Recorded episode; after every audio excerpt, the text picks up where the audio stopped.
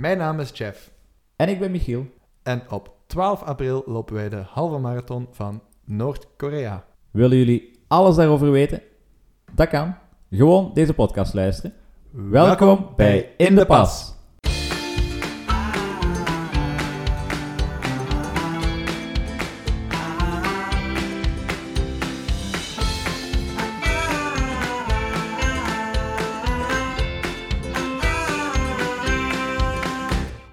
Dag allemaal. Welkom op onze podcast In de Pas. Zijn jullie gek? Dat is een vraag die wij veel te horen krijgen en daar eh, gaan we iets dieper op ingaan tijdens deze aflevering. Ehm, maar eerst gaan we onszelf voorstellen, of we gaan elkaar voorstellen, beter gezegd. Tegenover mij zit Michiel Teunis, 25 jaar en woont in Lommel. Eh, Michiel heeft een heel sportief verleden, keeper geweest bij Lommel SK, wielrenner bij Sport en Steun Leopoldsburg, eh, op het moment werkzaam bij AS Adventure, een echte avonturier. En ehm, ja, een begenadigd quizzer, ook heel belangrijk om, eh, om te vermelden. Dus het intellect van deze podcast zit tegenover mij. Ja, leg me alle druk op mijn schouders. Ja, voilà, het is maar dat je het weet. Ehm, en ook heel belangrijk, Michiel is ook ehm, ja, een reiziger. Ik ga niet alle landen opnoemen waar dat hij geweest is, want het zijn er ondertussen al een stuk of dertig. 30, ja. Ja, 30. Exact 30. Ja, dus ehm voilà. Dat in een, in een nutshell. Oké, dat zijn de belangrijkste dingen wel, denk ik. Goed, dus nu is het aan mij om u voor te stellen, Jeff. Dus, uw naam is Jeff Mees, ook 25 jaar. We kennen elkaar, misschien even zeggen voor de mensen die ons niet kennen, al dik 10 jaar. Tien jaar, het gaat zoiets zijn. Als Denk- jubileum. Ja, inderdaad, 10 jaar ja. eh, van op de middelbare school. En eigenlijk heb ik met Jeff vooral het sporten gemeen en het reizen. Eh Jeff is ook actief geweest in het voetbal, in het trail en in het wielrennen. Dus we zijn vaak samen gaan trainen. En dat gaan we nu opnieuw moeten doen. Helaas wel. Eh, maar wat mijn motto is over trainen, dat zal ik later nog wel eens herhalen. Ik moet niet al mijn troeven op de tafel gooien vandaag. Ja, dat is de moeite. Een leuk weetje over Jeff is dat hij ehm, eigenlijk nog maar pas terug is van een grote reis. Een hele tijd in India gezeten. Ik geloof een maand of drie. Ehm, ik ben vier maanden weg geweest. Waarvan drie in India. Ehm wacht, het was, ik denk een maandje in Marokko. Ah, oei, dat was ik al vergeten. Nee, het was iets minder, ja, zoiets. Nee, ik denk, nee, nee, ik lieg. Twee weken Marokko, twee maand India en dan nog een maandje in Zuid-Afrika. En in India heeft hij de duikmicroben te pakken gekregen. Ja, zeker weten. En sinds vorige week is hij lid van de lokale duikclub Diving Lommel. Yes! Helemaal. ja, Oké, cool. top. Ja, leuk. Fijn. Maar je hebt ook al gedoken, hè, Michiel? Ja, één keer in Bali. Ja, dus dat heb ik ook gemeen. Maar duiken is echt een max, hè. Zo. Voor zover ik daar ervaring in heb natuurlijk. Oké, ehm, dus deze aflevering, de titel van de aflevering is Zijn jullie gek? Dat is een vraag die mensen ons stellen. Ik ga meteen een vraag aan u stellen, Michiel. Zijn jij gek? Ik denk het wel. Je moet toch een beetje gek zijn om eh, naar Noord-Korea te gaan, denk ik. Veel mensen vragen en stellen ons een vraag. Zijn jullie gek? Ik denk dat je toch wel een beetje gek moet zijn om het vooral te willen doen.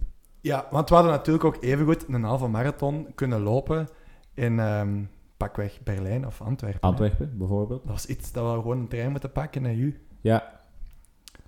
Daar moet je ook gek voor zijn, maar net iets minder, denk ik. Ja, ja, inderdaad. Ehm, en hoe zijn wij op dat idee gekomen eigenlijk? Ik kreeg begin december een bericht van u met de vraag om een halve marathon te lopen. Uit het niks, zonder aanleiding. Ja, klopt. Ja, ik zat toen nog eh, in Zuid-Afrika en ik dacht van, we kunnen een halve marathon lopen, misschien ja, ergens in de buurt, hè, Antwerpen of, of Rotterdam. Ja, kan, maar eh, ik was vorig jaar op wereldreis en ik was in Laos en daar zat ik s ochtends ontbijt in te eten in een hostel in Vientiane, de hoofdstad. Ehm, en ik zat er eigenlijk alleen tot er op een bepaald moment een eh, Amerikaan naast mij kwam zitten en we raakten aan de praat. En hij is eigenlijk een eh, YouTuber die rondreist en als een video's, in zijn video's verslag uitbrengt van zijn reizen. Eh, en hij vertelde me dat hij in Noord-Korea was geweest. En dat hij daar eh, de halve marathon had gelopen. Dus ik was wel geboeid door dat verhaal. Ik heb zijn filmpje bekeken op YouTube. Duurt een half uur en is eigenlijk een schitterende reportage over zijn, eh, zijn reis daar. En dat heeft me wel geïnspireerd om te antwoorden. We kunnen ook naar Noord-Korea gaan. Ja, ja, ja. En ik ken u, Michiel, al tien jaar, dus ja, ik verschiet er ook niet van dat jij zoiets voorstelt. Maar het is ook wel, ja, denk een keer interessant. Hè? Het, is, het is ook een unieke kans dat je krijgt om in toch zo'n gesloten land... Ja, het is geen vakantiebestemming waar je elk jaar terug naartoe gaat, denk ik. Nee, ik denk het niet. Het zal een one-in-a-lifetime experience worden. Ehm, wat gaan wij daar eigenlijk juist doen? De bedoeling is natuurlijk om een halve marathon te gaan lopen, Ja, maar, maar, er is veel meer natuurlijk. er is veel meer. We gaan zes dagen en vijf nachten naar Noord-Korea met een heel druk gevuld programma. eh, dat we zowel Pyongyang als de DMZ, dus de grens met eh, Zuid-Korea, gaan bezoeken. Ja, dus dat is, dat is eigenlijk echt een heel strak tijdschema waar dat we in zitten. Eh, dat is echt al bewijzen van tot op de seconde getimed. En ja, de halve marathon is daar een onderdeel van. Het is eigenlijk maar een klein onderdeeltje. Eigenlijk een klein onderdeel, ja. ja. Maar in ons hoofd zijn we daar heel veel mee bezig, omdat dat voor ons, ik zal niet zeggen, het, het, Het hoogtepunt gaat zijn.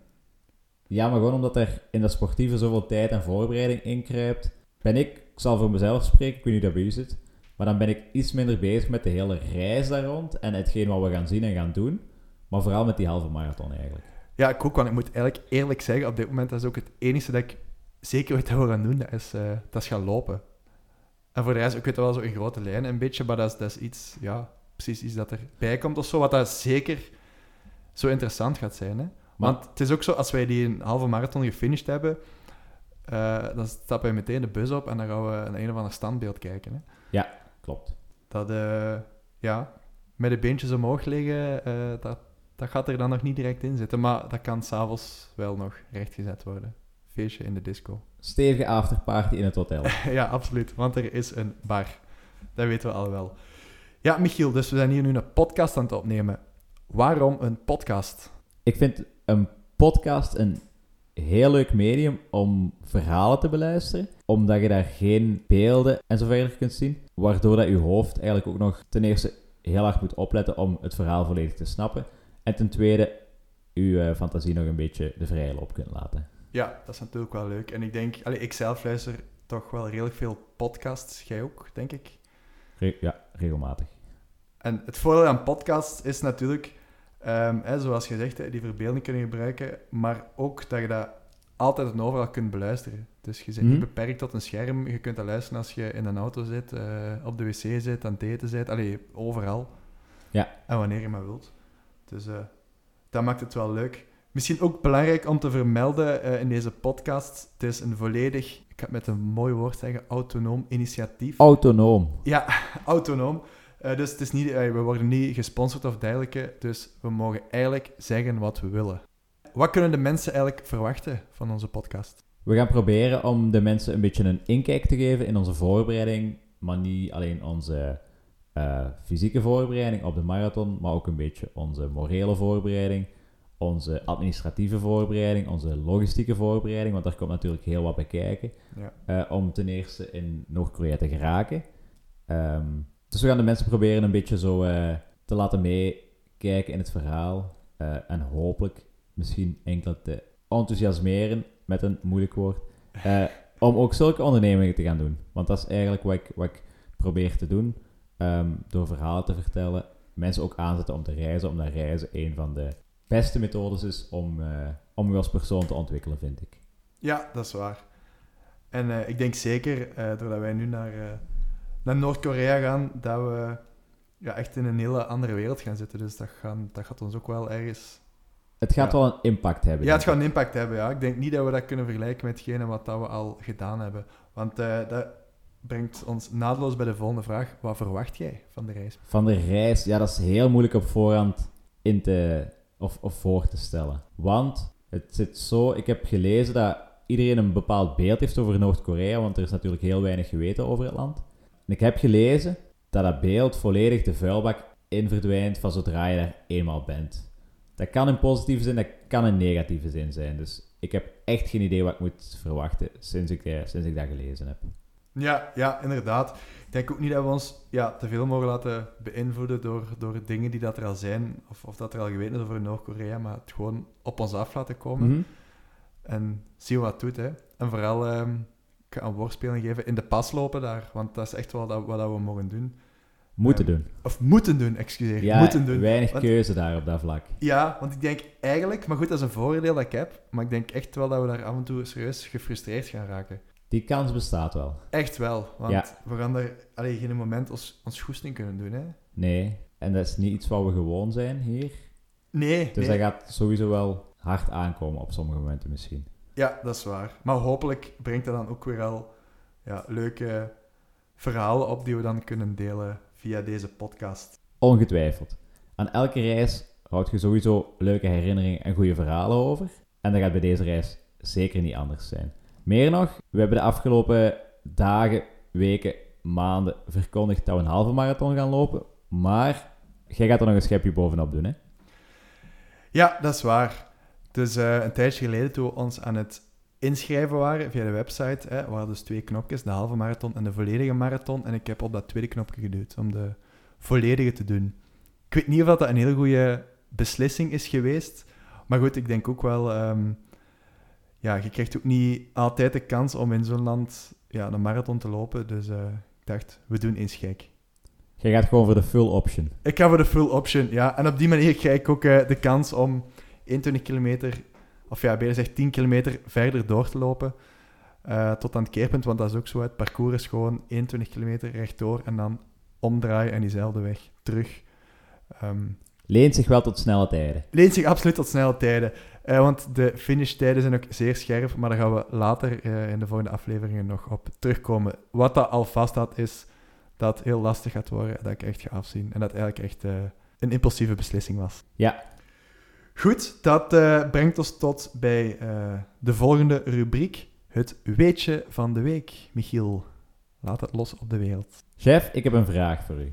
Wie is de president van Noord-Korea? Ik zeg... Ja, ik ken het maar één iemand, dus ik ga Kim Jong-un zeggen. En ik denk dat iedereen dat wel gaat zeggen. Fout. ja, het was ook te simpel geweest. Oké, verklaar u nader. De officiële president op dit moment in Noord-Korea is Kim Il-sung, Oké, dat is de, de vader van Kim Jong-un, of... de opa. Ah, de bompa. De bompa. Bompa Kim. Maar Kim Jong-un, ja, ik weet niet wat, ik denk dat hij rond de 40 is. Die bompa moet oftewel heel oud zijn, ja, of niet meer leven. Ik weet het niet. Ja, klopt. Hij is gestorven in 1994, het jaar waarin dat wij geboren zijn. Ah, ja, dat is 25 jaar geleden.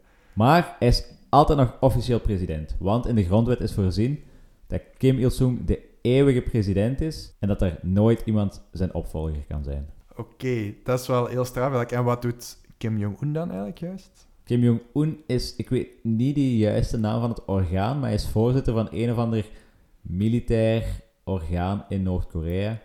eh, en daarmee de hoogste bevelhebber in het land. Plus, hij is natuurlijk kleinzoon van Kim Il-sung, wat ook in zijn, eh, zijn voordeel speelt Ja. natuurlijk. De eeuwige president dus. Ja. Oké, we hebben eigenlijk al iets bijgeleerd in de eerste aflevering. Dus ehm, eh, in het begin van de aflevering ben je aangekondigd als het intellect van de podcast en je hebt eigenlijk meteen de verwachtingen ingelost. Waarvoor proficiat. Dankjewel. Nu moet ik nog eh, weetjes van de week voor de komende zeven afleveringen gaan zoeken. Eh, dat lukt, lukt u ongetwijfeld. Ik kijk er alvast naar uit. Goed, dan denk ik dat wij rond zijn. Wil je nog iets toevoegen, Michiel? Helemaal niet. Dan willen wij jullie allemaal bedanken voor te luisteren. Feedback, opmerkingen, suggesties zijn welkom via onze Facebookpagina www.facebook.com slash indepas of ons e-mailadres. Indepas@outlook.com. Oké, bedankt allemaal en tot binnen twee weken. Same time, same place.